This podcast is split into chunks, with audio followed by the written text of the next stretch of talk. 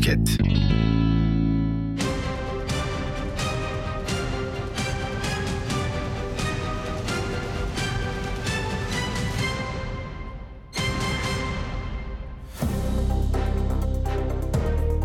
Bu hafta Türkiye ve dünya gündeminde neler yaşandı? En çok neler konuşuldu? Merhaba sevgili dinleyenlerimiz. Türkiye'nin en kaliteli podcast kanalı Podcast'te Haberin T sesinde sizlerleyiz. Ben sunucunuz Tuğçe Nur Batan. İlk haberimizle başlayacak olursak Cumhurbaşkanı Recep Tayyip Erdoğan'ın son mitinginin detayları belli oldu. Liderlerin miting programı tüm hızıyla devam ediyor. 14 Mayıs Cumhurbaşkanlığı ve 28. dönem milletvekili genel seçimine sayılı günler kaldı. Cumhurbaşkanı Erdoğan ve Cumhur İttifakı'nın ortak katılımlarıyla Yüzyılın Mitingi adıyla İstanbul'da yapılacak miting 7 Mayıs Pazar günü saat 16'da başlayacağı duyuruldu.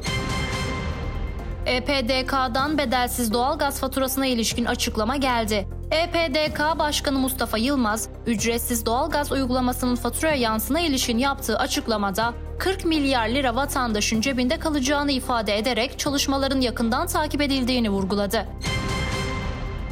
Devlet Bahçeli CHP'ye gönderme yaptı. Bahçeli, CHP'yi ve İyi Parti'yi HDP ile ortaklık yapmakla suçladı. MHP lideri Kemal Kılıçdaroğlu'na verilecek her oy Kandil'e gidecek dedi.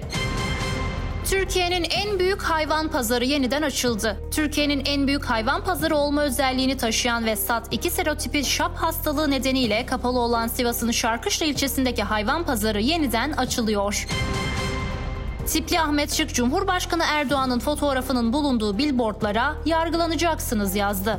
Türkiye İşçi Partili Ahmet Şık, AK Parti'nin reklam afişlerine sprey boyayla yazı yazdı. Yargılanacaksınız ifadeleriyle iktidarı tehdit eden Şık, görüntüleri sosyal medya hesabından paylaştı.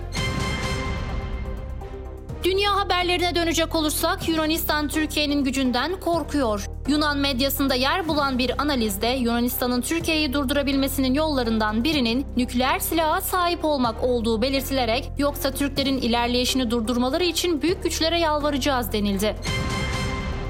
TCG Anadolu bu kez Çin'de haber oldu. Türkiye'nin amiral gemisi TCG Anadolu Çin basınında yer buldu. Bir dergide yayınlanan makalede Türkiye dünyada yerli uçak gemisine sahip birkaç ülkeden biri haline geldi ifadesi kullanıldı.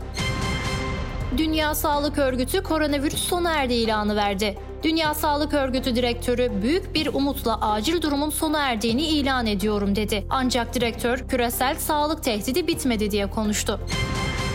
Spor gündemine bakacak olursak PFDK İrfan Can Kahveci'nin iki maçlık cezasını onadı. Profesyonel Futbol Disiplin Kurulu Fenerbahçe'den İrfan Can Kahveci'ye verilen iki maçlık cezanın onandığını duyurdu.